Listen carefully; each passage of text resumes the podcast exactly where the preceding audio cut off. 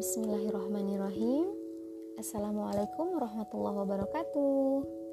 Perkenalkan saya Vina dari Subang.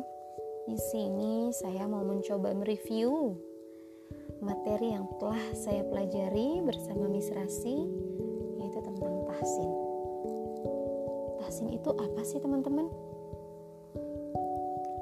Tahsin itu adalah memperbagus, memperindah bacaan sesuai dengan hak dan mustahaknya.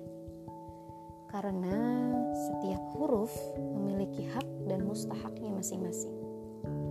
Sebagaimana perintah Allah dalam firman-Nya di surat di Quran surat Al-Muzammil ayat 4. Warattilil Qur'ana tartila dan bacalah Al-Quran dengan tartil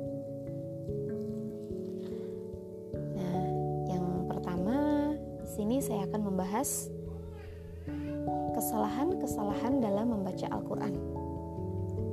Kesalahan dalam membaca Al-Quran yaitu ada empat kesalahan. Yang pertama, dari panjang pendeknya. Nah, terkadang kita membaca Al-Quran itu suka masih ada kesalahan ya, terutama saya pribadi masih ada kesalahan di panjang pendeknya. Yang seharusnya dibaca panjang, tetapi dibaca pendek. Dan begitu juga sebaliknya. Dan kesalahan yang kedua yaitu vokal yang tidak sesuai atau tidak sempurna.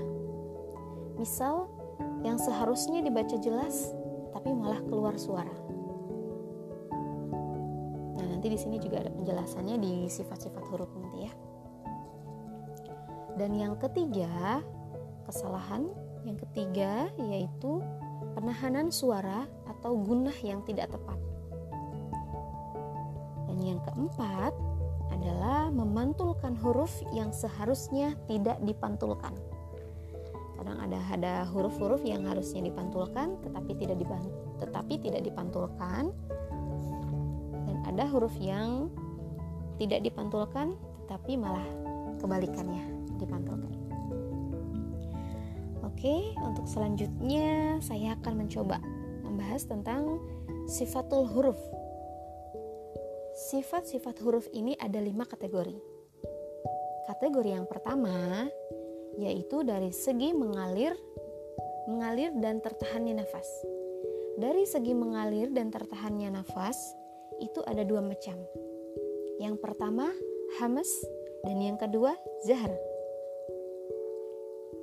Yang pertama, hamas itu artinya mengalirkan nafas atau keluar udara. Huruf-hurufnya yaitu fa, ha, sa, ha, sha, ho, so, sa, ka, ta. Atau lebih mudahnya rumusnya yaitu faha, saha, syahsun, sakata. Dan yang kedua itu zahar. Zahar itu dibaca dengan jelas. Seperti huruf ba, da, a. Itu jelas ya. Huruf-hurufnya di luar huruf-huruf hamas tadi. Dan kategori kedua dari sifatul huruf ini yaitu dari segi mengalir dan tertahannya suara. Dari segi mengalir dan tertahannya suara itu ada tiga macam. Yang pertama yaitu syiddah. Syiddah itu artinya kuat. Hurufnya ada delapan, yaitu A, Ja, Da, Ko, To, Ba, Ka, Ta. Atau rumusnya baju di toko Atika. Yang kedua, ada tawasud. Tawasud itu artinya sedang atau pertengahan. Jadi tidak terlalu kuat dan juga tidak terlalu lembut.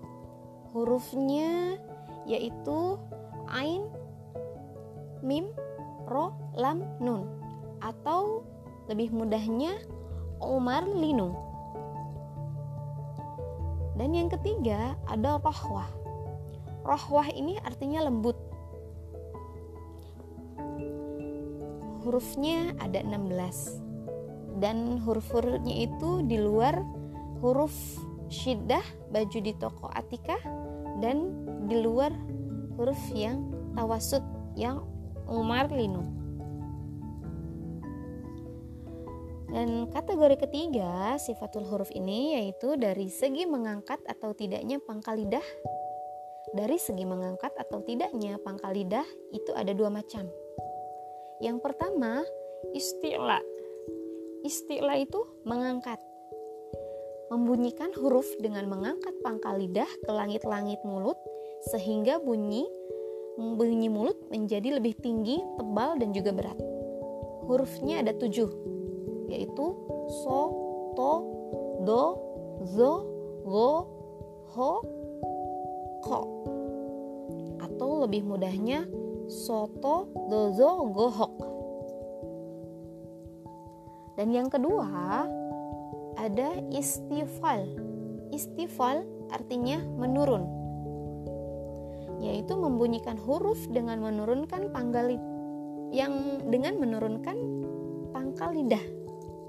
Hurufnya ada 22 di luar huruf-huruf istilah tadi. Kategori keempat sifatul huruf ini yaitu dari segi lengket atau tidaknya. Ada dua macam. Yang pertama itu itbak. Itbak artinya lengket. Itbak artinya lengket. Kalau lengket gini kita ingat aja bak mandi ya. Bak mandi yang nggak disikat itu kan lengket. Jadi itbak lengket. Membunyikan huruf dengan melengkungkan lidah ke langit-langit mulut. Hurufnya ada empat, yaitu so, to, do, zo. Soto, dozo. Yang kedua yaitu ada invitah. Invitah kebalikannya tadi ya, invitah tidak lengket. Kalau itbak itu lengket, kalau invitah ini tidak lengket. Hurufnya ada 25, yaitu selain huruf-huruf huruf selain huruf-huruf itbak tadi. Selain yang soto, zozo tadi ya. Dan kategori kelima dari sifat huruf yaitu dari segi susah atau mudahnya. Itu ada dua macam. Yang pertama izlak, yang ketiga, yang kedua, maaf. Yang kedua ismat. Pertama izlak itu mudah. Hurufnya ada enam yaitu fa, ma, na, la, ba, ro atau lebih mudahnya lagi kita kenal dengan faman libur. Jadi kalau faman udah libur itu segalanya mudah ya. Mau ke mana aja mudah kalau faman udah libur. Dan yang kedua itu ada ismat. Ismat itu susah. Huruf-hurufnya itu tentunya ada 23 yaitu selain huruf-huruf izlak tadi. Dan selanjutnya juga ada asofir ya. Asofir ini adalah ketajaman suara. Jadi suara-suaranya itu menyerupai suara hewan. Nah, apa saja hurufnya? Hurufnya itu ada tiga. Hurufnya so, za, dan sa atau shin. Hmm, cukup sekian dulu untuk penjelasannya. Selanjutnya nanti kita akan bahas per hurufnya ya. Insya Allah di kesempatan selanjutnya kita akan bahas hmm, per huruf ya. Cukup sekian terima kasih. Assalamualaikum warahmatullahi wabarakatuh